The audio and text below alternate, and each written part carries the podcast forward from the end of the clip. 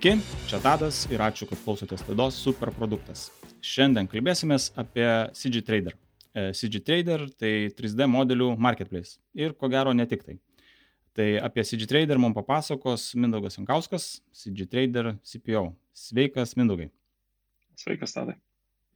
E, aš pirmą kartą apie CG Trader išgirdau prieš kokius 10 metų, galvojau, o laikas bėga. Paskui pasižiūrėjau rekvizitą LT, žiūriu ten maždaug 12-13, 13 gal ten labiau yra įkurta įmonė, sakau, ne 10 metų, vadinasi, ne taip greitai tas laikas bėga.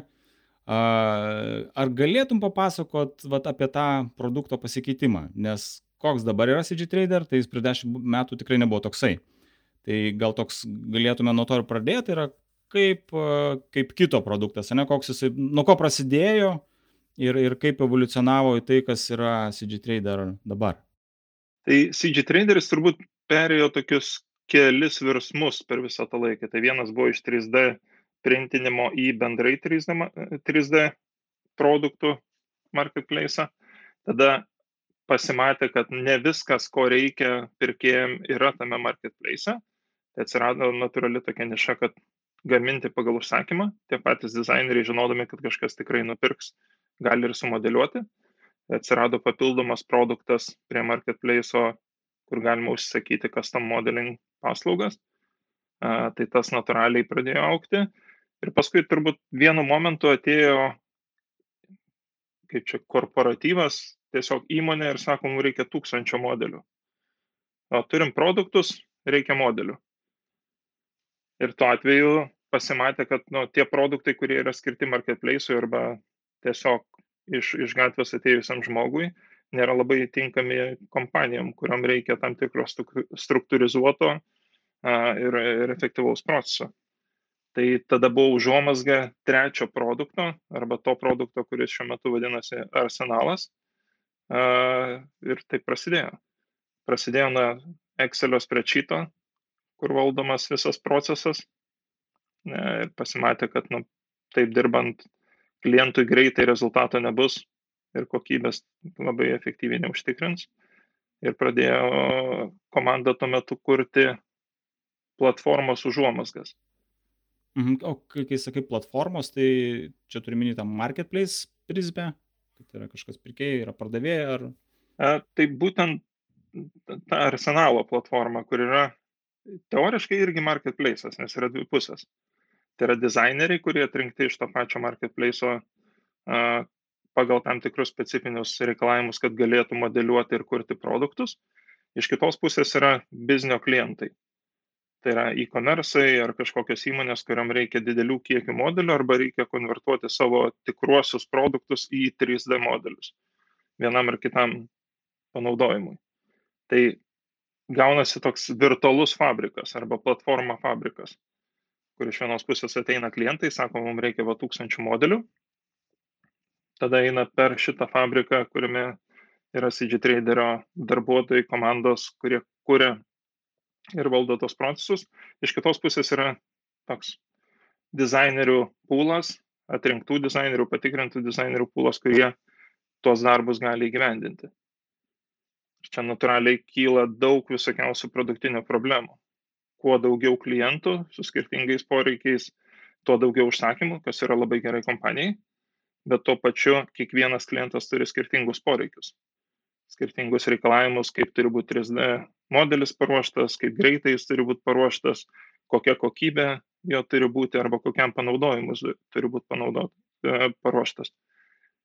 Iš kitos pusės, dizaineriai irgi turi savo specifiką. Vieni moka gerai baldus modeliuoti, kiti yra pradedantieji, nemoka, moka padaryti kėdę, bet nemoka padaryti sofos. Treti gerai modeliuoja kažkokius, nežinau, rūbus, batus arba dar kažką ir jiem baldai nėra įdomu. Ir tokiu atveju surasti atitinkamus dizainerius, kurie gali greitai, kokybiškai ir laiku padaryti uh, modelį, yra nu, problema, kurią reikia išspręsti. Tai kai kalbam apie arsenalą, ne tą dalį, pas, paslaugų dalį, tai ne visai čia paslaugos, nes, nes paslaugos tai, kad jūs teikiat paslaugas, bet jūs vis tiek šiuo atveju esat platforma. Teisingai. Mes esam mes naudojame savo sukurtą platformą tam, kad mūsų klientai gautų galutinę paslaugą. Nes a, mūsų biznio klientai, jie tiesiogiai su dizaineriais nebendrauja. mes užtikrinam kokybę, mes užtikrinam, kad jų produktas bus pagamintas ir užtikrinam, kad jis atitiks tas specifikacijas, pagal kurias reikia pagaminti. Supratau. Tai čia jau paslauga tokiu atveju, ar ne? Jūs turit kažkokius account managerius, netgi tikriausiai, ne, kurie, kurie dirba su klientais, kurie tada vidiniai jau žmonės jūsų, ne, account manageriai prižiūri pūlą dizainerių, kurie, na, kuria jau tą galutinį produktą, tas uh, 3D modelius, kokiem ten bebūtų industrijom reikalingi, ne? Taip, tai viskas prasideda nuo pardavimo proceso ir čia irgi produktas ateityje gali šakotis ir kažkiek šakojasi tai yra self-services ir managed klientai. Tai yra dideli klientai, kuriem reikia uh, asmeninės pagalbos ir jos vienaip reikia suvaldyti ir, ir padėti jiem padaryti tos užsakymus, padėti gauti modelius, arba tiek sudėtingi produktai būna, kad nu, reikia teisingai juos suvesti į sistemą tam, kad gauti gerą rezultatą. Ir yra klientai, reikia, kurių yra daug, kurie nori mažų kiekių modelių ir, ir, ir tokiais atvejais nebebūtų labai scalable, jeigu žmogus turėtų dirbti su kiekvienu klientu. Paskaidykim tas žaidėjus tos visos platformos, ar marketplace, ta prasme tiek apie 3D kalbant, tiek apie arsenal kaip paslaugą, na, platformą kaip paslaugą. Ne? Tai e, vienoje pusėje abiem atvejais, ko gero, yra dizaineriai, tai yra tie žmonės, kurie kūrė tą, tą galutinį produktą, sakykime, ne, tas 3D modelius ir panašiai. O kas yra užsakovas vienu ir kitu atveju? Ta prasme, galbūt čia įdomu sužinot e, per industrijų prizmę, per, ar tai yra privatus, pavyzdžiui, ar reikia kažkam tai, nežinau, kaip paprastam žmogui, privačiam, kažkokio 3D modelio, kažkam tam pačiam 3 printingui galbūt. Tai yra kaip, kaip pagal segmentus pasižiūrima, ne, ir pagal industrijas galbūt, gal dar kažkokį tai patys splitą turite, ne, kažkokį skaidimą, būtų va, iš tos e, įdomu sužinoti. Tai jeigu pradėt nuo marketplace'o, tai natūralu, kad pardavėjas yra tas, kuris sukuria modelį. Tai bet kuriuo atveju jis bus 3D dizaineris. Pirkėjas iš kitos pusės yra, nu, čia yra labai didelis paskirstimas, yra nuo to pačio dizainerio, kuriam ne, nu, ne viską reikia pačiam nuo nulio daryti, jeigu jis nori padaryti, nežinau, miestą, tai nebūtinai jiem reikia medžius, žolę ir visus kitus dalykus pačiam nuo nulio kurti. Jis greičiausiai sukurs tai, ko nėra iki tol sukurta, o kitus dalykus gali nusipirkti. Tada yra agentūros, kurios kuria kažkokius vizualus, yra žaidimų, kurie yra žmonės, kurie eksperimentuoja su žaidimų kūrimu arba eksperimentuoja su 3D modeliavimu. Visą laiką yra lengviau pasimti kažkokį pradėtą daryti arba padarytą daiktą ir prie jo kažką pridėnėti, žiūrėti, kaip jį padaryti, modifikuoti, pats mokymosi procesas kitoks gaunasi. Ir iš, iš tos pusės tai yra visi, kam gali reikėti tam tikros vizualizacijos, kurią galima išgauti panaudojant tą modelį. E, turbūt ne tik tai, kad modelius perka, bet pas mus yra ir, ir tekstūros, ir, ir kiti, kitos sudėtinės dalis kurios, dalis, kurios yra naudojamos galutinio produkto kūrimui. E, ar tai būtų su renderintas e, kažkoks paveiksliukas, ar tai būtų video, ar tai būtų žaidimas. O kalbant apie tą paslaugos dalį, kas ten yra užsakovai, kam labiausiai reikia va, tų tokių didelių kiekių? Tai pagrindai, ką fokusuojamės, tai yra elektroninė komercija arba produktų gamintojai. Tai yra tie, kurie anksčiau užsakinėdavo fotosesijas, dabar užsisako 3D modelius ir iš 3D modelių bet kada, bet kokiam sąlygom gali pasidaryti kokią tik nori fotosesiją. Ir čia turbūt tas pokytis rinkoje, kuris įvyko, turbūt labiausiai akceleravosi karantino sąlygomis. Kai buvo apsunkintas judėjimas, kai buvo apsunkintas žmonių susibūrimas, ko reikia pilnavertai fotosesijai. Uh, ir tiesiog tada pradėjo skaičiuoti ir suprato, kad iš 3D modelio pasidaryti fotosi, virtualią fotosesiją yra iki 10 kartų pigiau, man atrodo, negu susiorganizuoti fotosesiją. Ok, tai čia labai reikšminga ekonominė nauda. Ne? Bet aš norėjau klausyti, tai čia ta fotografija tokia, nežinau kaip čia pavadinta, neprofesionali, tokia, ne, ne industrinė, bet tiesiog, ne, kur reikia katalogus daryti įvairius tikriausiai, ne, ir, ir produktinė ta tokia fotografija. tai jinai kaip išnyks, ne, nes nu 10 kartų skirtumas tai yra iš viso, nu, baisi, bai, labai reikšmingas. Tai ar, ar nebeliks, ar jisai, nu, ta prasme, vat, Ikea berots, ne, bet ten, ko gero, tas katalogas daugam žinomas pavyzdys, kur ten praktiškai viskas, ko gero, yra, pats geriau gal žinosi. Didžiulė dalis yra skaitmeninė. Taip, tai IKEA jau, nežinau, prieš šešis metus gal pradėjo naudoti 3D modelius ne tik tai vizualizacijom, bet, bet ir duodami papildomą naudą vartotojams, kaip ERS. Tai e-commerce labai mažai tikėtina, kad fotografija ilga, ilgam laikui išliks. Taip, nu, jinai visą laiką liks, nes kartais namuose lengviau yra nusifotografuoti telefonu, a, turint ant tą lightboxą mažiem dalykam. Tikrai nebūtina kurti 3D modelio, jeigu pardavinėjai unikalius dalykus.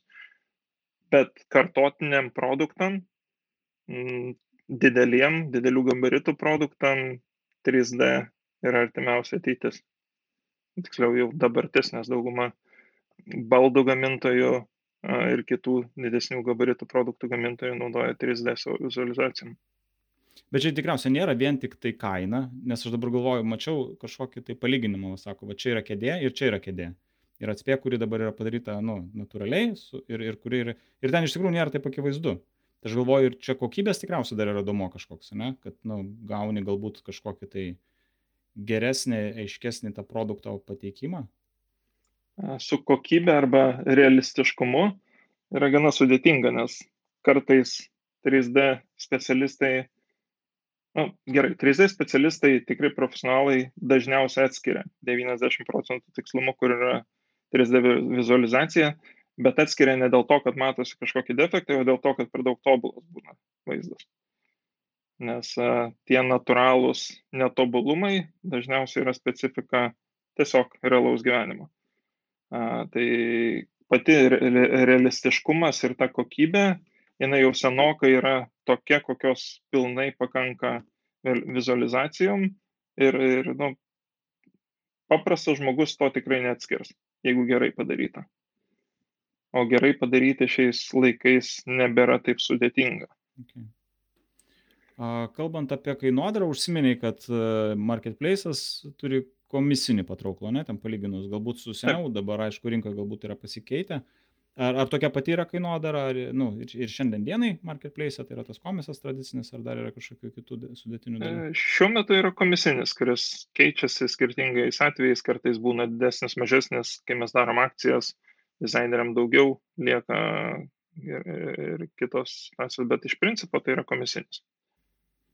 O kaip atrodo Arsenal atveju, tenai aš įsivaizduoju už kažkokius kiekius, ne tiesiog yra, ar, ar, ar kaip, kaip atrodo ta kaina? Arsenal atveju tai klientui yra tiesiog kaina už modelio gamybą. Yra tai už, už rezultatą. Ir čia yra tas, nu, kiek tai kainuoja, labai priklauso tiek nuo kiekio, tiek nuo modelio, arba tiksliau ne nuo modelio, o nuo produkto, kurį reikės modeliuoti sudėtingumo arba kompleksiškumo mes naudojam tam tikrą skalę, kuri nusako, kiek sudėtinga yra padaryti tokio tipo modelį. Ir šitą, ne, netgi šitą kainodarą šiuo metu bandome perkelti a, mašinoms, kad jos nuspręstų, kiek yra sudėtinga padaryti bet kurį mhm. objektą. Wow, tai jūs neblo, nemažai pažengę tada esate, ne, kad įsivertinti tą pačią kainą, nes nu, mašinom tai vadinasi yra kažkoks algoritmas, kuris vertina. Teisingai. Nu, jis turi suprasti, kas tai yra per objektas nuotraukai, nes tai, kad duoda klientas, yra a, tam tikras kiekis objekto nuotraukų, kurios greičiausiai yra padarytos neįdėliom sąlygom, arba tai yra prieš tai buvusios fotosesijos nuotraukos, arba kitos nuotraukos, kurias naudoja prieš tai, a, ir išmatavimus. Tai yra kokie jo realūs, realūs gabaritai. A, ir pagal tai dizaineris nusprendžia, kiek jam reikės darbo, bet jeigu dizaineris žiūrėdamas nuotraukas gali nuspręsti, reiškia, gali nuspręsti ir, ir mašina. Tai tikslumas, kaip atpažįsta skirtingus unikalius objektus, yra ta vienintelė problema, kuri nėra šimtaprocentinė, šimta procentų išspręsta. O visa kita yra įmanoma padaryti. Tai tą paklaidą jūs kaip paskui vis tiek rankiniu būdu pervertinat? Yra skirtingi etapai. Pirmas etapas yra rankomis peržiūrinėti ir vertinti. Kitas variantas yra visą laiką įtraukti kainodaroje tą paklaidą ir iš jos kompensuojasi. Nes tiek, kiek sutaupom laiko, nedarydami kiekvieno produkto vertinimo, tiek išlošiam šitoje vietoje. O, teisingai, visur, visur yra laikas.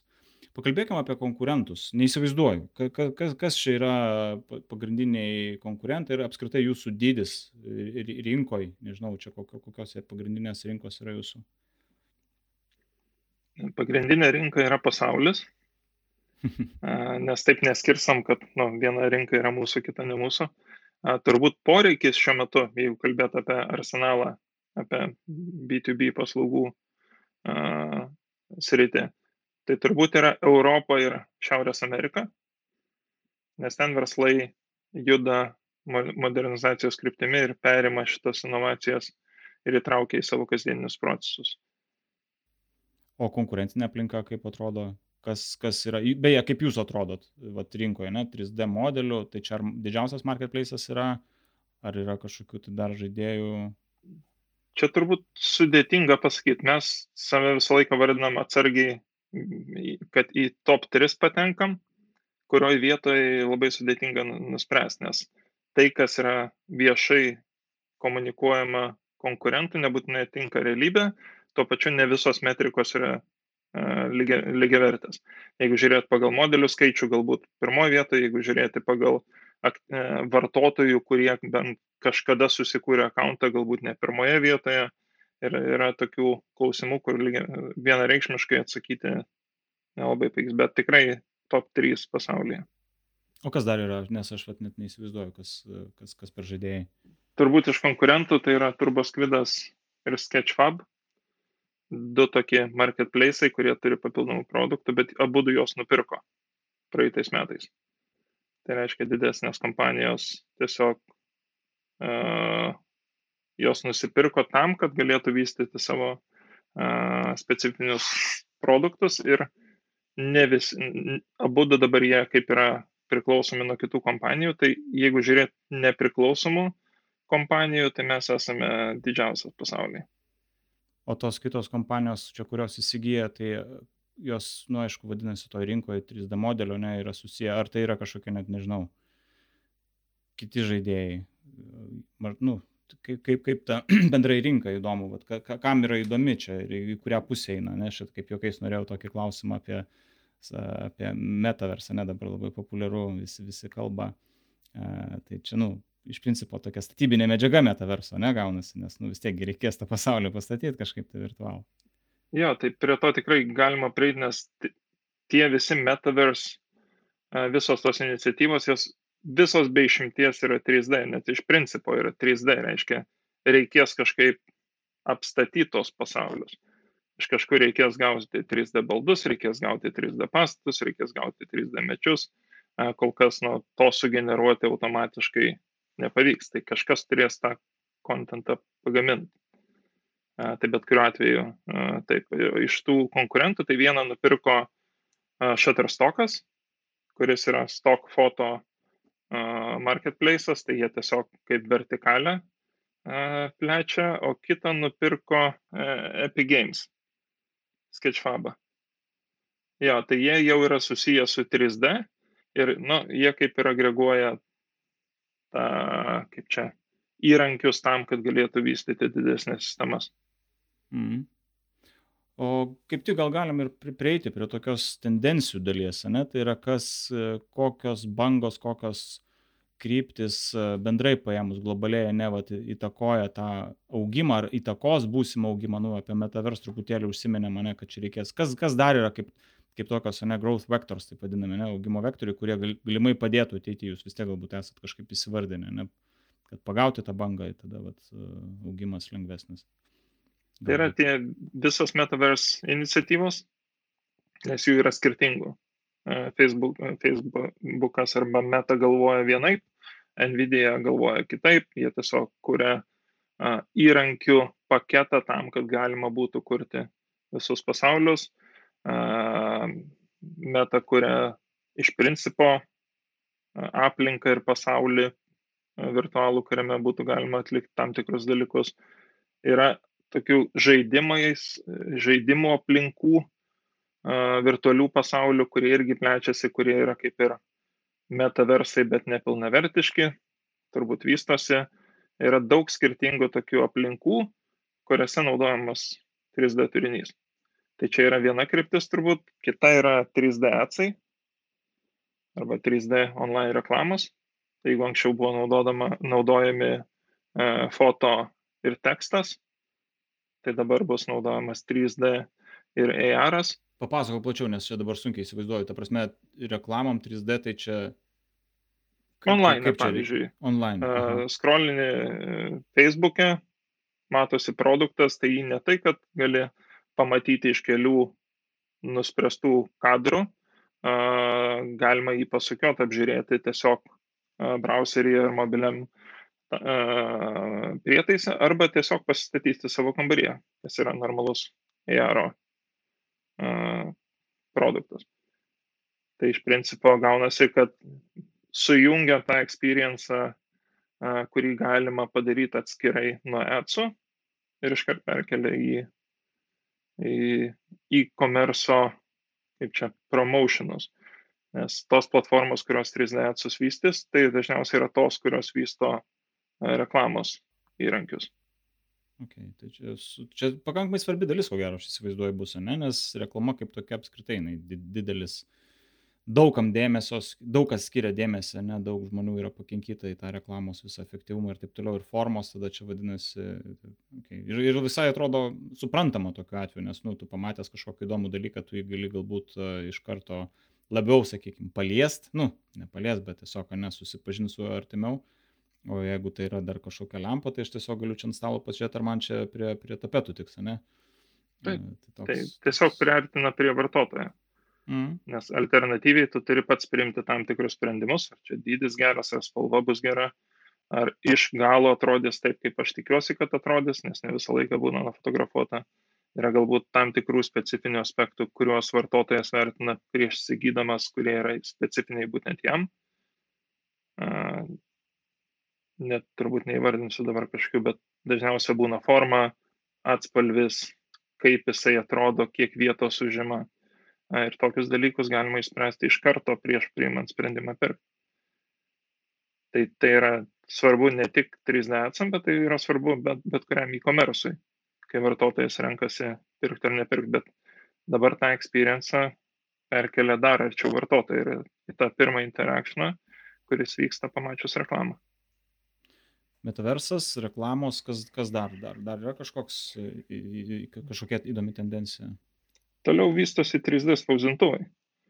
Dabar jau spausdina ir namus, ir metalą. Tas pats Elonas Maskas variklius spausdina, ne, nau, nesinaudoja a, tokiais standartiniais būdais. Tai 3D spausdintuvų rinka auga, poreikis auga, jis nėra toksai, kaip galvojo CG traderiai, kurie prieš kelis metus, kad čia viskas proks ir visi šakutės ir peilius galbūt namuose spausdinsis, bet jisai rado savo nišą ir jisai toliau auga. Bet mes čia kalbame apie, apie industrinį panaudojimą tikriausiai, ne? Privačiam žmogui tas 3D spausdintuvas, ko gero, yra pernelyg brangus, pernelyg galbūt didelis, nors nu, televizijos, televizoriaus, ne, senovinio dydžio, bet toks, ko gero, sunkiau įsivaizduojamas galbūt bet kuriam šiaip žmogui jo nereikės, bet tikrai atsiranda daug žmonių, kurie šiaip savo namuose pasigamina kartais tam tikrus dalykus, e, turi pjūklą, turi atsuktuvą, lituoklį ir kartais gamina. Tai tai yra dar vienas įrankis, kuris yra universalus ir sudėtingus dalykus leidžia pagaminti pakankamai paprastai. Pavyzdžiui, pas mane namuose yra prie kavos aparato toksai vadinamas piltuvėlis, kad kavos e, sumalta kava nebirėtų prašonus. Tai jisai yra 3D spausdintas. Nors niekada negalvojau, kad aš tokius dalykus savo namuose atspausdinsiu. Nu, tai čia ateities dailidės, ne? nes, nu, ta prasme, dabar ten daugiau mažiau kiekvienam šeimoje ten plaktuką rasi, kokią atsuktuvą, gal net ir pjūklą kokį, nu, turiu minį net tokie senoviniai įrankiai, tai ateityje, nu, ką turėsim po 3D spausdintuvą, reikės kažką tai pasi, pasispausdinsim. Turbūt tik tai klausimas, kokio dydžio, kokio, kokių specifikų tie 3D spausdintuvai bus. ir, ir kokiu, kokiam tikslui jie bus. Nes taip yra labai specializuotos turbūt rinkos, kur naudojama gamybui, bet yra, galbūt yra dar kita sritis, kur naudoja prototipavimui, susikurti prototipus, juos išbandyti ir tik tada pradėti masinę gamybą. Ir kita yra tokia, nu, ho, ho, hobbyistų uh, sritis, kur tiesiog norisi kažką savo rankom pasigaminti, norisi išbandyti, norisi padaryti ir namuose nu, kartais tiesiog labai naudinga. Tai čia kaip ir paprastas spausdintuvas tikrai ne iš karto atsirado kiekvieno namuose.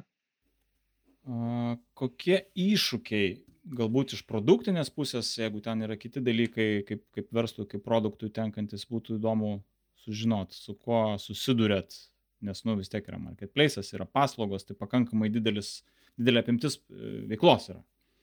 Aš manau, kad pagrindinis iššūkis yra būtent pagrindas šito verslo modelio ir ne, ne, ne marketplace, o būtent arsenalo. Tai yra didelių kiekių, didelių apimčių gamyba 3D modelių lietuviškai net nežinau, angliškai scalability, kas yra ir būtent tas value propositionas mūsų klientam. Nes jie turi daug produktų ir jiem reikia juos visus paversti 3D modeliais. Tai jiem patiems tą daryti būtų gana sudėtinga, nes reikia viską organizuoti, o tai nėra paprastas procesas ir būtent tai mes sprendžiam su produktu. Ir kad geriau įsivaizduoti situaciją, turbūt uh, verta įsivaizduoti tokią situaciją, kai iš vienos pusės yra šimtai tūkstančių produktų, kuriuos reikia paversti 3D modeliais, kitoje pusėje yra tūkstančiai, dešimtis tūkstančių dizainerių visam pasaulyje, kurie galėtų tai padaryti. Kiekvienas produktas yra unikalus, dviejų vienodų stalų nėra, nes kiekvienas gamintojas, kiekvienas brandas turi savo unikalumą dviejų vienodų dizainerių irgi nėra. Kiekvienas irgi turi vienai turi tam tikrus specifinius įgūdžius, tam tikrą procesą, kaip jis išmoko, tam tikrus kažkokius paternus, kaip jisai atlieka savo darbą. Tai turime tokias dvi pusės ir per vidurį yra CG traderis, kuris turi užtikrinti kokybę. Nes kito varianto nėra. Turbūt pats logiškiausias būdas būtų paimti to šimtus tūkstančių modelių, atiduoti į laisvą rinką 3D dizaineriam, jie padaro ir kaip yra rezultatas pasimti procentą. Bet tas neveikia, nes ne tik, kad reikia užtikrinti kokybę, ką turbūt teoriškai galima padaryti ir, ir paprasto freelancinimo managemento būdu. Kiekvienas dizaineris rūpinasi, kažkas peržiūri ir užtikrina. Tai reikia ne tik, kad užtikrinti kokybę, bet reikia užtikrinti ir specifikacijų laikymasi. Tai reiškia, iš techninės pusės modelis turi būti teisingai padarytas, laikantis tam tikrų taisyklių, su tam tikrų neimingu. Ir tada tikrinimas tampa toks labai didelis overheadas kiekvieno unikalaus. Ir kitas dalykas, nebūtinai dizaineris pasims tas, kuris gali padaryti tą modelį kokybiškai. Ir tada tas reiteravimas, proceso valdymas tampa labai sudėtingas. Kitas dalykas turbūt iš tos pusės yra, kad klientai nori ne tik, kad tas vienas modelis būtų padarytas kokybiškai, bet kad būtų tas kokybės testinumas, kartojamumas tarp skirtingų produktų uh, jų portfolio. Nes jeigu yra stalas ir yra kėdė, kurie iš tos pačios serijos, jie negali skirtis, negali medis vienur atrodyti vienaip, uh, uh, kitur kitaip. Tai reikia ir, ir, ir tą išspręsti jeigu daro kiekvieną daiktą atskiras unikalus dizaineris, jis greičiausiai nepataikys taip, kaip kitas daro. Tai tą irgi reikia spręsti. Tai tokių visokių dalykų yra. Ir, ir pats turbūt sudėtingiausias būdas yra, kaip suvesti kiekvieną produkto užduotį su kiekvienu unikaliu dizaineriu. Kaip efektyviausiai atsirinkti, kad kaina būtų optimali, greitis būtų optimalus ir kokybė būtų gera ir tuo pačiu užtikrinti kad e, visos tos specifikacijos, kurių klientui reikia, būtų e, tokios, kokių reikia. Ir čia turbūt visas šitas susideda iš tokių didesnių dviejų problemų, kurias mes sprendžiam, arba krypčių, kuriomis mes, kur, kur, kur mes einam. Tai viena yra standartizavimas poreikio. nes tas poreikis atsirado pakankamai greitai. Verslui tai yra nauja technologija. Žaidimų industrijoje tai yra labai senas dalykas, tam tikrose 3D printingė tai yra jau irgi įprastas dalykas, turėti 3D modelį, jį pagaminti, yra tam nusistovėjusios taisyklės ir ten viskas aišku, bet kai reikia e-commerce naudoti arba dar galbūt net vizualizacijom naudoti, kiekvienas e, klientas susigalvoja arba nesusigalvoja, susideda savo specifikacijų sąrašą, koks jis mano turėtų būti tam, kad galėtų gauti tą rezultatą, kurio reikia. Nebūtinai jis yra optimalus, nebūtinai jis yra pats teisingiausias. Tai tie skirtumai visi neleidžia labai lengvai skailinti sistemos, nes jeigu vienas klientas turi visiškai kitokius reikalavimus negu kitas, tai atkartoti tą procesą ir jį padaryti kiek galima efektyvesniu yra sudėtingiau. Tuo pačiu klientai nebūtinai žino, ko jam tiksliai reikės ateityje. Ir tai gali atbaidyti nuo naudojimo, nes jeigu tu daraisi vieną 3D modelį, vieną technologiją, pavyzdžiui, turbūt yra dvi dalis. Yra realaus renderinimo modeliai, naudojami žaidimuose, webe, kur realiai gali interaktinti su jais ir, ir matyti, kaip tai atrodo. Ir yra renderinimui skirti modeliai, kurie renderinami offline, užtrunka valandą, kelias valandas, 15 minučių, bet užtrunka, kol pamatai rezultatą. Tai jeigu vartotojas, klientas pasirenka vieną iš jų, tarkime, žaidimam arba to realaus renderinimo tipo modelį, vėliau jam bus daug sudėtingiau gauti modelį skirtą renderinimui. Nes realiam renderinimui jisai neturi geometrijos detalumo ir tekstūros e, yra žemesnės kokybės. Tai paskui jam susigeneruoti fotografiją iš to bus neįmanoma arba jinai bus prastos kokybės tai toks strateginis priėjimas, o ko reikia turėti ir kaip kiekvienas modelis turėtų būti pagamintas tam, kad paskui lengviau būtų galima sugeneruoti kitų, kitiem panaudojimam skirtus modelius. Būtent šitą sudėlioti ir standartizuoti yra mūsų tikslas. Vienas iš tikslų. Ir tam mes dalyvaujam tarptautinėse organizacijose, yra tokia Chronos Group, kur vienyje kompanijas, kurios domisi ir nori judėti 3D ir jos mato tas pačias problemas arba kelia kitas problemas, kurios yra aktualios visiems. O Chronos Group tikslas yra suvienodyti reikalavimus 3D pasaulyje. O kita ta didžioji dalis, kur mes fokusuojamės, yra automatizavimas. Nes tiesiog rankomis suvesti vieną dizainerį su vienu produktu ir nuspręsti, ką reikia daryti, nėra sudėtingas sudėtinga užduotis.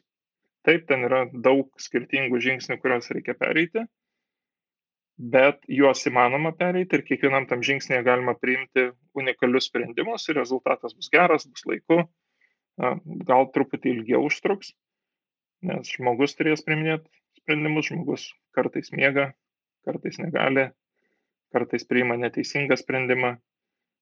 Tai rezultatas bus, bet jis nebus toksai, kurį galima pritaikyti šimtam tūkstančių modelių. Ir tas šimtas tūkstančių modelių čia ne, ne bendras, o per kažkokį laiko tarpą, tarkim, per mėnesį.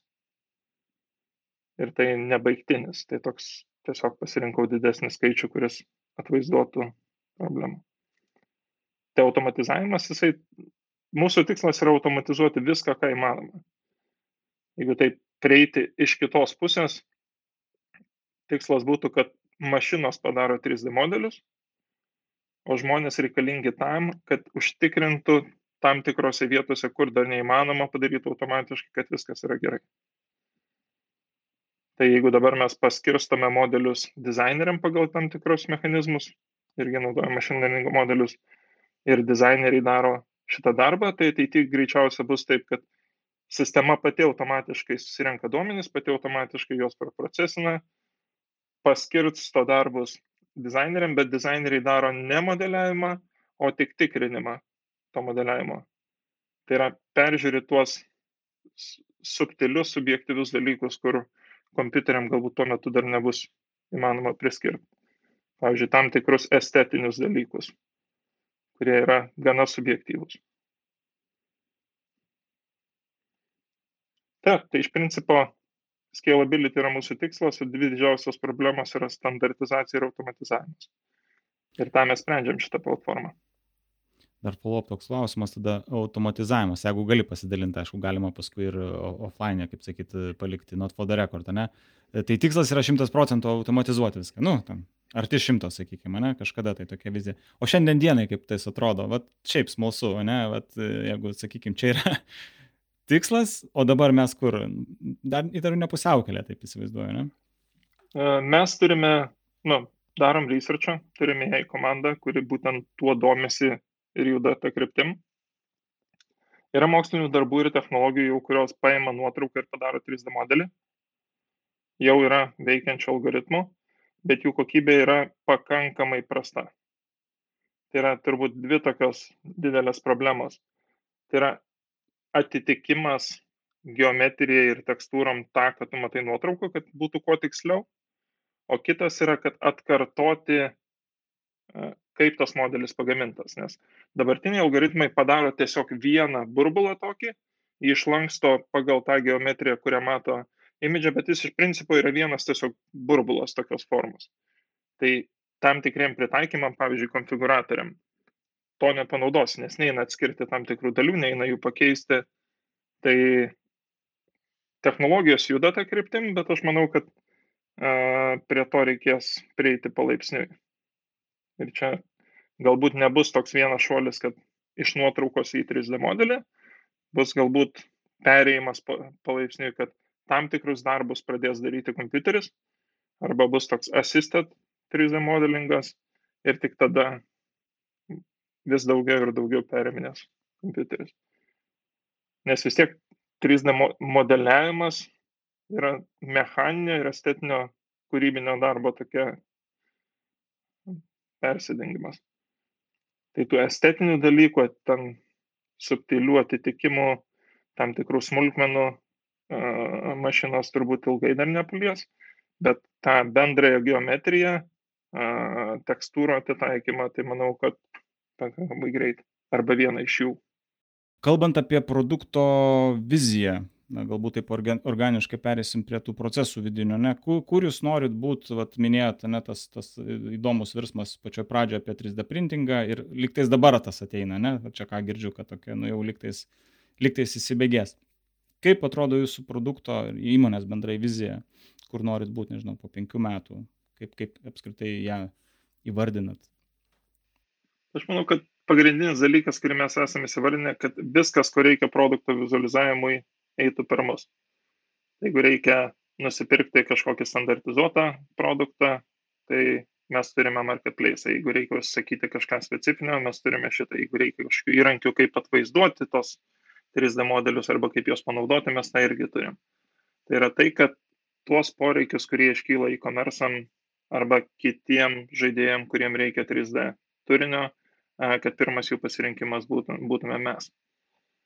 Ir užtikrinti ne tik, kad nu, 3D modelių gamyboje mes esame pirmi, ne tik, kad uh, marketplace, uh, turim marketplace, tokių iš anksto pagamintų modelių, kad ten esame pirmi, bet turėtų tokią aplinką, kur gali gauti viską, kas su to susiję.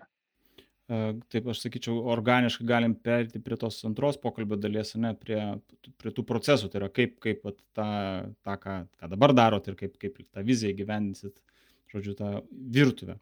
Tai aš gal tą pirmą klausimą iš tų procesinės dalies, o ką daro CPO, CD Trader, ar galėtum apibūdinti savo, nežinau, dieną, kaip jinai atrodo, kokios atsakomybės tavo paties yra? Jo, čia geras klausimas. Niekad taip iš šono nesusimašiau, kaip kokios yra mano tokios atsakomybės, nes jos yra pakankamai mažai apibrėžtos. Tikslas yra, kad produktas, kurį mes darom, patenkintų tos poreikius, kurių reikia verslui. Arba iš kitos pusės pažiūrėjus, kad produktas, kurį mes kuriam, užbėgtų verslui už akių ir sukurtų tai, ko reikės tada, kai jau klientas pas mus ateis. O tai daroma per, nu, surinkant teisingą komandą, turint teisingus žmonės ir teisingas specializacijas, organizuojant komandas taip, kad jos darytų tai, ko reikia verslui ir kad pasiektų tos tikslus, kurių reikia. Ir dėliojant galbūt taisyklės arba principus, kuo turime vadovautis tam, kad išvengti problemų, klaidų ir turėti geros kokybės rezultatą. Ar gali papasakoti apie komandą? Galbūt pradėti nuo produktinės tos dalies, ne? tai kaip atrodo tas, nežinau, produkto departamentas. Ne? Tai yra produktistų skaičius, ne? kaip apskritai komandos kažkokios, kiek tų komandų yra, komandos pačios ne, vidinė jau sudėtis galbūt skiriasi pagal kažkokią tai vertikalę, nes nu, yra, yra marketplace'as ir, ir yra arsenalas, ne, tai truputėlį iš tos pusės, ne. Tai čia viena dalis klausimo, paskui tada galbūt praplėsim. Tai natūraliai mes esame atskyrę tos du produktus. Marketplace'as turi savo tikslus ir savo komandą, kuri siekia tos tikslus įgyvendinti. Ir turbūt didžioji dalis kompanijos šiuo metu fokusuojasi į B2B produktą, arsenalą, nes ten mes matom didžiausias galimybės. Ir turbūt, kadangi produktas pradėtas vysti prieš truputį daugiau negu du metus, ten dar daug yra kas nepadaryta arba kurios problemos neįspręstos. Tai šitoj vietoje mes turime tris produktinės komandas, kurios fokusuojasi į vertės kūrimą, kuris susijusi su, su user interfeisu, nu, tai yra webinio produkto kūrimu. Ir turime dvi tokias techninės RD e, komandas, kurių viena dirba su machine learningu ir AI, o kita komanda dirba su automation ir 3D įrankiais. Tai tokia iš principo produkto inžinieringo organizacija. Tai taip girdžiu, kad va, tos dvi, ne, tai ten labai inžinieringo yra svarbi dalis, ne, nu tai yra vis tiek. Ten pagrindė inžinieringas. Mm. Produkt owneriai, bet, bet ten turit produkt ownerius. Ar, ar... Tenai produkt ownerių neturim, ten turime tech lydus, kurie prioritizuoja ir planuoja, ką reikėtų daryti kitose komandose, kur minėjau, kaip produktinės arba web developmento komandos, tai yra produkto, kuris turi sąsąją su klientais arba su dizaineriais, ten yra tiek produktistai, tiek analitikai, tiek produkto dizaineriai. E, dar noriu suprasti, galbūt tada arsenalo pavyzdį pasiemkime, nes B2B produktas uh, kokios dar komandos prie to e, dirba. Na tai yra iš principo ne aptarnavimas, yra pardavimai, koks yra santykis e, su, kartu su produktinė komanda kartu paėmus, ne, tai kaip atrodo bendras tas, e, bendras dydis, ne, tai ir kiek čia yra, taip sakykime, dabar šiuo metu ne product driven, tai yra vat, iš produkto pusės ir kiek tai yra toks, nežinau, sales driven procesas šiuo atveju. Tai turbūt galima pradėti nuo to, kad šiuo metu tai yra turbūt sales driven, bet nu, ne visą laiką. Tam tikrus dalykus produktas drivina, nes yra efektyvumas, greitis, galbūt tam tikri finansinio efektyvumo aspektai, kai reikia, kad platforma įspręstų tam tikras problemas, kurias šiuo metu sprendžia žmonės. Iš kitos pusės, ko reikia klientam, ateina per salesus, nes tai yra pagrindinė sąsaja su, su vartotoju ir pagrindinis grįžtamas ryšys ateina per salesus. Bet nėra taip, kad mes deliverinam tai, ką salesai indikuoja ir, ir ne, nekvešionuojam to. Mes tai žiūrim kaip į platformos vystimą ir galvojame, kas bus naudinga visiems ateinantiem klientam arba daugumai ateinančių klientų ir bandome tą pasivaliduoti. Tai čia turbūt iš tos pusės jeigu kalbėt apie iš ko susideda bendrai komanda, tai turbūt bus sales marketing departamentas, kurie a, turi, žiūri į išorę, tai yra dirba su klientais, dirba su mūsų brandingu, tada yra operations departamentas, arba mes jį vadinam delivery, tai yra projektų vadovai ir 3D specialistai, kurie valdo tuos didžiosius projektus ir užtikrina kokybę ir yra tada product engineeringas, kuris kuria platformą. Tai tiek iš sales marketing ateina insightų, ką mums reikėtų daryti kitaip, arba kas, kas šiuo metu sukuria didžiausią frikšioną, arba kur daugiausia laiko užtrunkam, tiek ir operationuose, nes tikslas yra su kuo mažesnė komanda uh, turėti kuo didesnį pralaidumą platformos. Mm. Ar teisingai supratau, kad šiuo atveju tą customer success rolę atlieka pardavimai? Kaip account manageriai, nu, tai yra, sakykime, kad, nu, kad tai yra darbas. Gal nežinau, ar čia šiuo atveju tinkamas tas customer success, ne, nes tai yra toksai, na, už, užsakymo išpildymas tam tikrą prasme, ne, reikia man tūkstantį kažko tai e, modelio, ne, tai čia tiesiog account manageriai, tai yra pardavimai tikriausiai pasiskirsto, ne, kurie tą aktyvų parduoda ir, ir paskui tos santykius palaiko. E, o klausimas nu, yra iš principo, ar, ar yra dar kažkas toks apie, kai mes kalbam, nu, paprastai sakom, operacijos, tai būna uh, customer success, kažkokia netenai aptarnavimas, uh, supportas, taip vadinamas. Ne, dar. Ar yra toks pas jūs išreikštas, ar, ar jisai toksai mixed? Pas mus yra taip, kad yra uh, key account managementas, kuris dirba su klientu ir turi bendrą supratimą, kas vyksta, kokie poreikiai, bet jie labiau žiūri į priekį. Ir yra mm, projekto vadovai, kurie dirba su klientu tam, kad įgyvendinti jo projektus ir natūralu ir iš jų ateina labai daug išvalgo, tai ką galima daryti kitaip. Ką daryti kitaip, kad jų darbas būtų lengvesnis arba kad jie galėtų daugiau padaryti.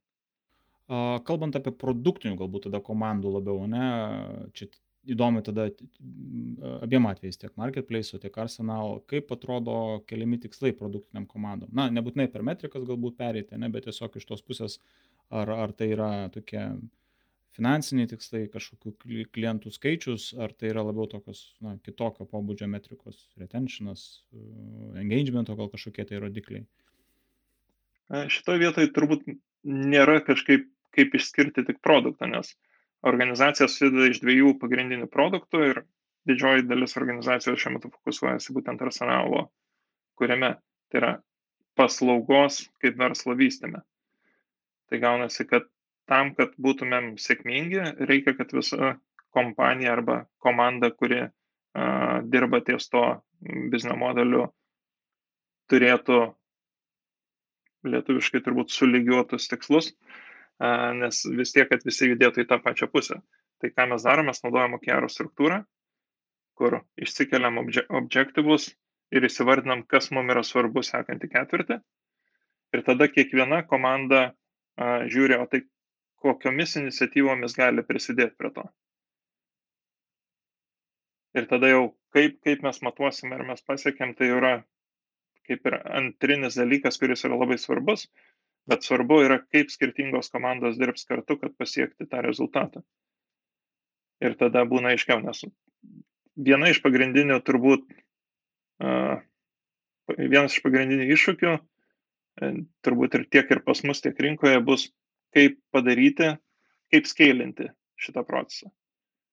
Nes natūralu, kad galima prie kiekvieno etapo pastatyti po žmogų ir tada viskas vyks labai sklandžiai, bet tai nebus scalable. Jeigu mes norime su ribotu komandos dydžiu pasiekti šimtus tūkstančių modelių per mėnesį, mums reikės nestandartinių sprendimų ir galvoti, kaip automatizuoti visą tą procesą. Ir tada jau ką automatizuoti ir kiek automatizuoti kyla jau iš to, o kur, kurioje vietoje procesas ilgiausiai užtrunka. Arba kurie etapai yra nereikalingi. Ir tą galvoti, arba mes galvojam, kad yra nereikalingi ir tada galvoti, gerai, tai jeigu dabar užtrunka ten tam tikras etapas 3 valandas, kaip padaryti, kad jis užtruktų 5 minutės. Ir tada tiek salesai, tiek delivery, tiek e, produkto komandos iš savo pusės galvoja, ką galima pakeisti ir kaip pakeisti, kad šitas procesas būtų efektyvesnis. Tai ar teisingai suprantu, čia kalbam apie tą bottleneckus ir pralaidumą, tai yra ieškom, kur yra kažkoks, na, kaip ir sakė, kur, kur užtrunkam daugiausia laiko. Ne? Ir tai tada... Viena iš dimensijų tokia. E, natūralu, nes, kaip ir minėjau, tai yra virtualus fabrikas. Tai yra virtuali gamybos linija, kurios pagrindinis aspektas ir yra jos efektyvumas. Ir ten, norint, kad tvarkingai vystysi produktas, reikia jį ir vertinti kaip gamybos liniją ir matot kaip gamybos linija. Ir tada gaunasi, kad arba reikia vertinti, ar visi etapai reikalingi, arba reikia vertinti, kiek užtrunka, arba vertinti, kas tai daro. O kaip sekasi užtikrinti tų komandų, vat, kaip sakėjai, susilaininimą, ne, susivienodinimą, kad, nu, tai čia, čia keletą yra dalykų. Tai vienas sutarti, kad iš tikrųjų iniciatyva vienas yra vienas, yra prioritetas, Kitas dalykas, kad uh, užtikrint, kad iš tiesų mes uh, kaip skirtingi būrėjai, skirtingos komandos dirbtume prie tam tikro na, rezultato. Ne? Nu, tai čia toks cross funkcinis susilainimas, kad vienu metu pasiektume finišą. Kaip, kaip ta, iš, iš tos pusės susivienodinimas jums pavyksta? Sudėtingai. Turbūt kaip, kaip ir kiekvienoje kompanijoje, kurie bando uh, naudoti OKR sistemą ir mūsų pradžia buvo gana tokia sudėtinga ir negaliu sakyti, kad dabar viską idealiai darom. Užtrunkam per ilgai, kad susilaininti, kad nuspręsti, o tai ką mums reikės daryti. Nėra iki galo visą laiką galbūt šimtoprocentinio komitmento visom iniciatyvom arba visiems dalykam, vis tiek kažkas yra svarbiau. Tai mes tą sprendžiam po truputį, bet pagrindinis dalykas, turbūt į kurį fokusuojamės, yra, kad nebūtų vien kryptis tas derinimasis, Tai yra, kad ne managementas nusprendžia, kas turi būti daryti, bet tai gimsta iš diskusijų ir managementas nusprendžia dėl to, kad žino uh, iš, dėl tam tikrų priežasčių, kodėl reikia būtent ten fokusuotis. Ir tada, kad komand, kadangi tai ateina iš komandų, komandos natūraliai jau žino, kad reikės ten fokusuotis ir galvoja apie tas iniciatyvas, kurias reikės gyvendinti. Ir kitas dalykas yra pasidalinti ownershipu. Nes jeigu yra kažkokia rinkinys iniciatyvų, kažkas turi būti vienas atsakingas, kad padėtų susilaininti arba a, nuspręstų, kur kokie yra prioritetai. Nes turbūt niekad nebuvo taip, kad suplanavus trim mėnesiam niekas nesikeistų. Visą laiką reikia pakeisti planą, reikia jį patobulinti, galbūt sužinojom daugiau ir, nebūt, ir ne tas dalykas svarbus, tai tam tikras lankstumas reikalingas bet tuo pačiu reikia, kad kažkas tai nuspręstų. Tai tai jau eina per skyrių vadovus arba komandų vadovus, kurie nusprendžia ir, ir turi turbūt ownershipą tam tikrų arba metrikų, kurie susijęs su tais objektyvais, arba tam tikro iniciatyvų pūlo. Mm. E, dar norėčiau tą tokį discovery dalį truputėlį paliesti. Minėjai, kad na, pardavimai iš esmės, ne, šitame etape, galbūt apie čia mes kalbam labiau tada apie arsenal dalį, uh, na, tai yra labiau sales driven, ne, tai jie vadinasi turi ir projektų vadovai, ar, ar account manageriai, jie turi tokį prie, prieimą tiesioginį prie, prie klientų. Kiek yra produktas, prasme, ar, ar tai yra jums svarbu šitame etape, ta prasme, išeiti ir kalbėti su klientais tiesiogiai, ar kaip nors, nežinau, jūs kartu su, su pardavimais einat, kaip atrodo, uh, nes tikiu, kad tai yra svarbu, ne, ne tik tai pardavimams turėti tą tokį exposure su klientu, bet, na, ir produktų žmonės uh, turi kalbėtis. Kaip pas jūs tai yra išreikšta? tai yra svarbu, ar labiau tai yra sales driven ir ateina tos e, visos iniciatyvos ir tiesiog viduje tada jau gilinamas į poreikius, e, reikalavimus kažkokius ir tada na, yra e, kalba apie išpildymą laiku, kokybiškai. Tai yra svarbu. Tik turbūt čia labai toks jautrus dalykas, kuriam etape prisijungia produktistas. Nes tikrai ankstyvuose pokalbiuose, kur yra pičinama klientui vertė, pradėti klausinėti, o tai gerai, o tai kaip pas jūs vyksta procesai, kodėl uh, kaip ir turbūt ne tiek, kad nenaudinga, bet netgi ir žalinga būtų. Kai kuriais atvejais ir ankstyvuose etapuose prisijungia produkto žmonės, nes žinom, kad klientas turi klausimų ir mes galim atsakyti, ar tai yra įmanoma ar neįmanoma ir padėti suprasti, o tai ar mūsų platforma yra tinkama. Bet pagrindė produktistai prisijungia, tiek produkto dizaineriai, tiek produktistai prisijungia į pokalbį su klientais vėlesnėse fazėse kur pradedama aiškintis jų poreikius ir produktui visą laiką yra svarbu, o kokią, kokią viziją pats klientas turi, kaip jis ateityje galvoja naudoti 3D turinį. Nes tai, ką jis dabar galvoja bus ateityje, turėtų būti svarbu mums dabar. Arba mes galime įtakoti tai, daryti įtaką klientui, kad jisai pakeistų tą savo viziją. Turėdamas daugiau informacijos, kas darosi rinkoje, kaip kiti naudojasi. Ir tai irgi mums naudinga nes mes pradedam standartizuoti poreikį. Tai tai yra svarbu klientų, kadangi mes dirbam su labai dideliais klientais, tų klientų nėra tiek daug, kad nebūtų galima to įgyvendinti. Tai mes tą ir darom.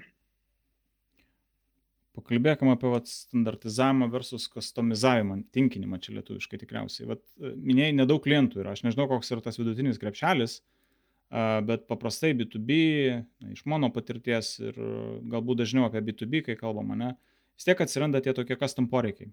Tai yra turim kažkokį tai arba didelį klientą, arba keletą didelių klientų, nuo kurio tada produktas, verslas yra priklausomas ir tada čia ta tokia e, visuomet yra diskusija, tai kiek mes galim customizinti kažką tai ir kiek galim standartizuoti. Aišku, visą laiką yra noras standartizuoti, bet tada mes tokia, nu, pametam mane tą tokį sales driven approach, tai yra, nu, tą vertę sukurtą, ne? nes, nu, lengva yra pritaikyti, teoriškai, ne? bet pra, praktiškai tai yra tiesiog į tokias pinklės papuom. Kaip, kaip, kaip yra pas jūs, ar tikrai taip šimta procentų išvengėt uh, customizavimo, ar, ar yra tos tokios, nu, iniciatyvos, kad jo, yra didelis klientas ir yra, okei, okay, mes pasidarysim kažką tai custom, bet už tai yra vertė, nes, nu, dienos pabaigoje vis tiek mes matuojam tai tą gražą, ne, tai jeigu ten yra didelis užsakymas, tai galbūt jokios problemos.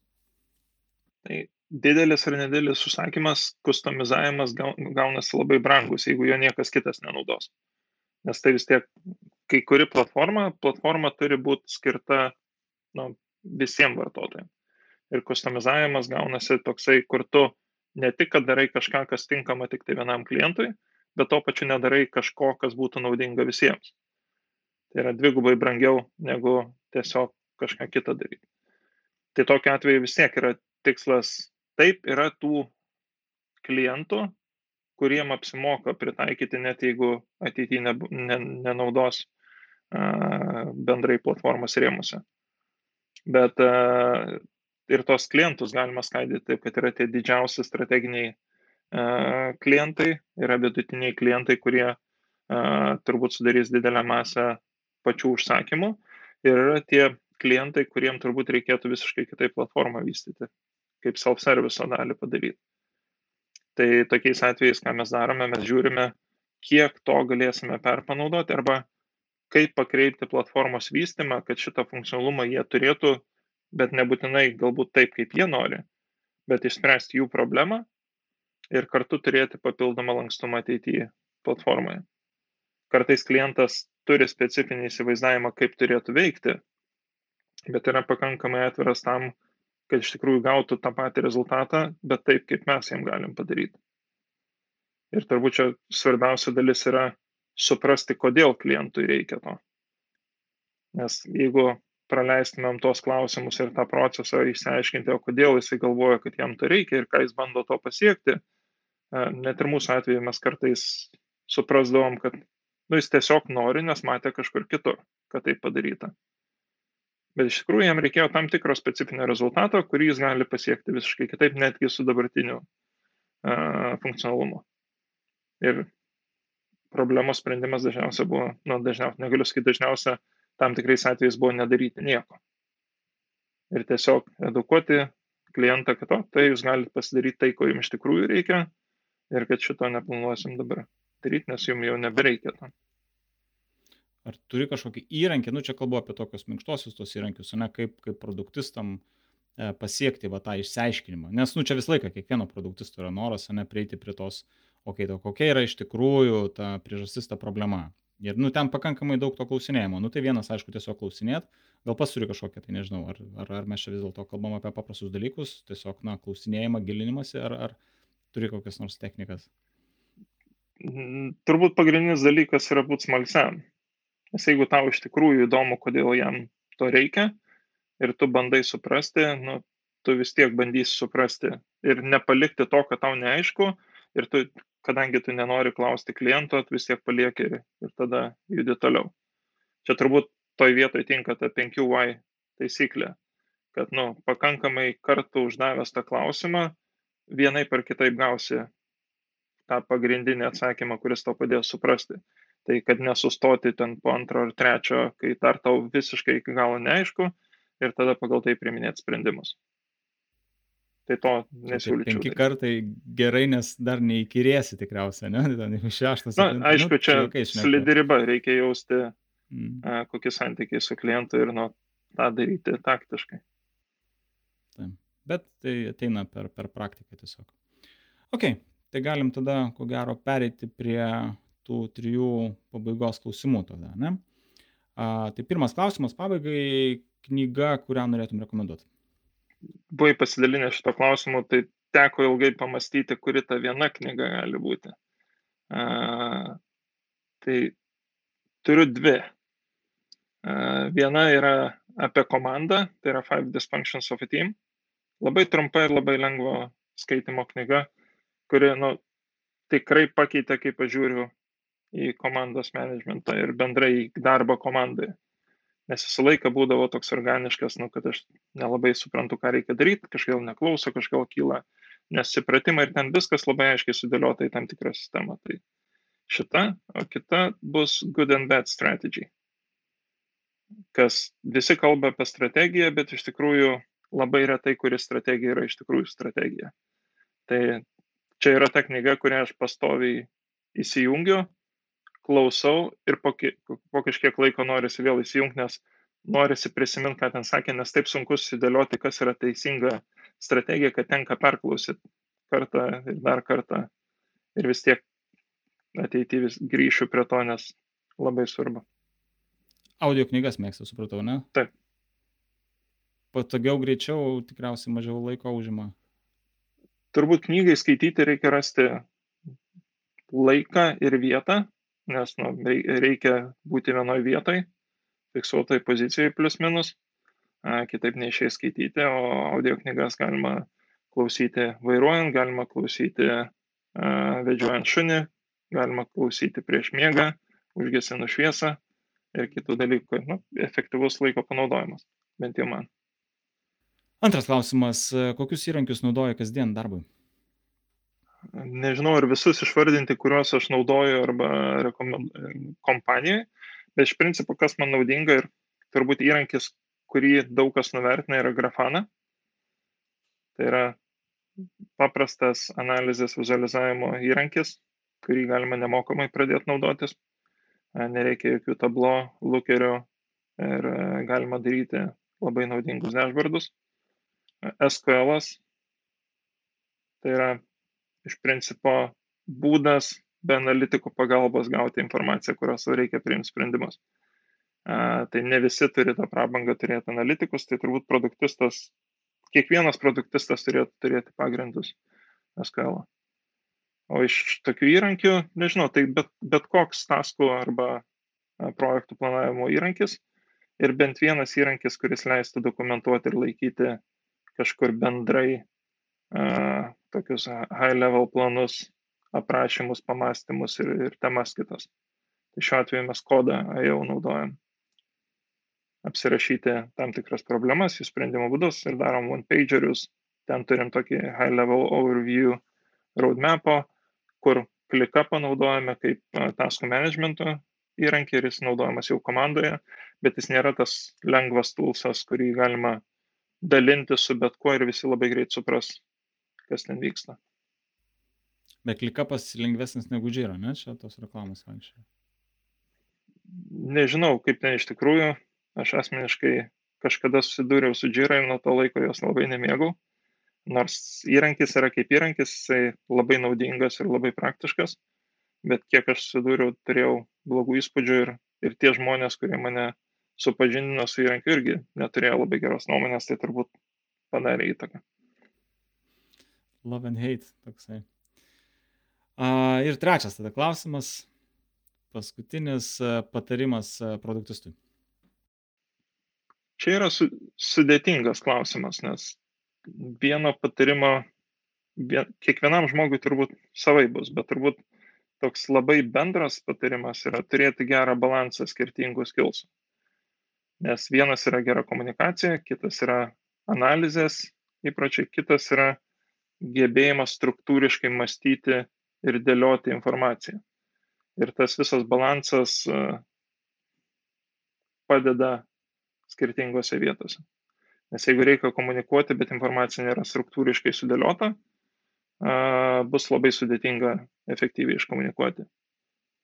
Ir jeigu nėra analizės įgūdžių, tai struktūrą pasidaryti irgi bus gana sudėtinga. Ir čia turbūt pagrindinis dalykas, kad daryti viską iteratyviai. Nes tą pačią, na, turbūt geras pavyzdys yra, reikia kažkokio produkto arba erijos apžvalgą pasidaryti. Tai vienas variantas yra pasirašyti rašinėlį, kuris vis, visą informaciją turės, viskas labai gerai bus, bet niekas jo neskaitys. Arba turėti skirtingais lygiais sudėliotą informaciją. Visų pirma, toks bendrinis, bendrinė apžvalga su pačia svarbiausia informacija, struktūra, iš ko susideda ta, ta area. Iš principo informacija, kurią galėtum dalinti su aukščiausio lygo vadovu, taupydamas jų laiką ir jie vis tiek suprastų, apie ką kalbė. Ir tada toliau judėti į vis daugiau ir daugiau detalių. Kad kiekvienoje vietoje sustojus, vis tiek būtų aišku, apie ką viskas vyksta. Na, čia toks pavyzdys, kaip struktūruoti informaciją. Turbūt. Geras patarimas. Ačiū Mindaugai už tavo laiką. Buvo smagu pasikalbėti, iš tikrųjų įdomus produktas, e, įdomus ir komandos pasiskirstimas. Tai ačiū dar kartą, linkiu sėkmės. Ačiū tau.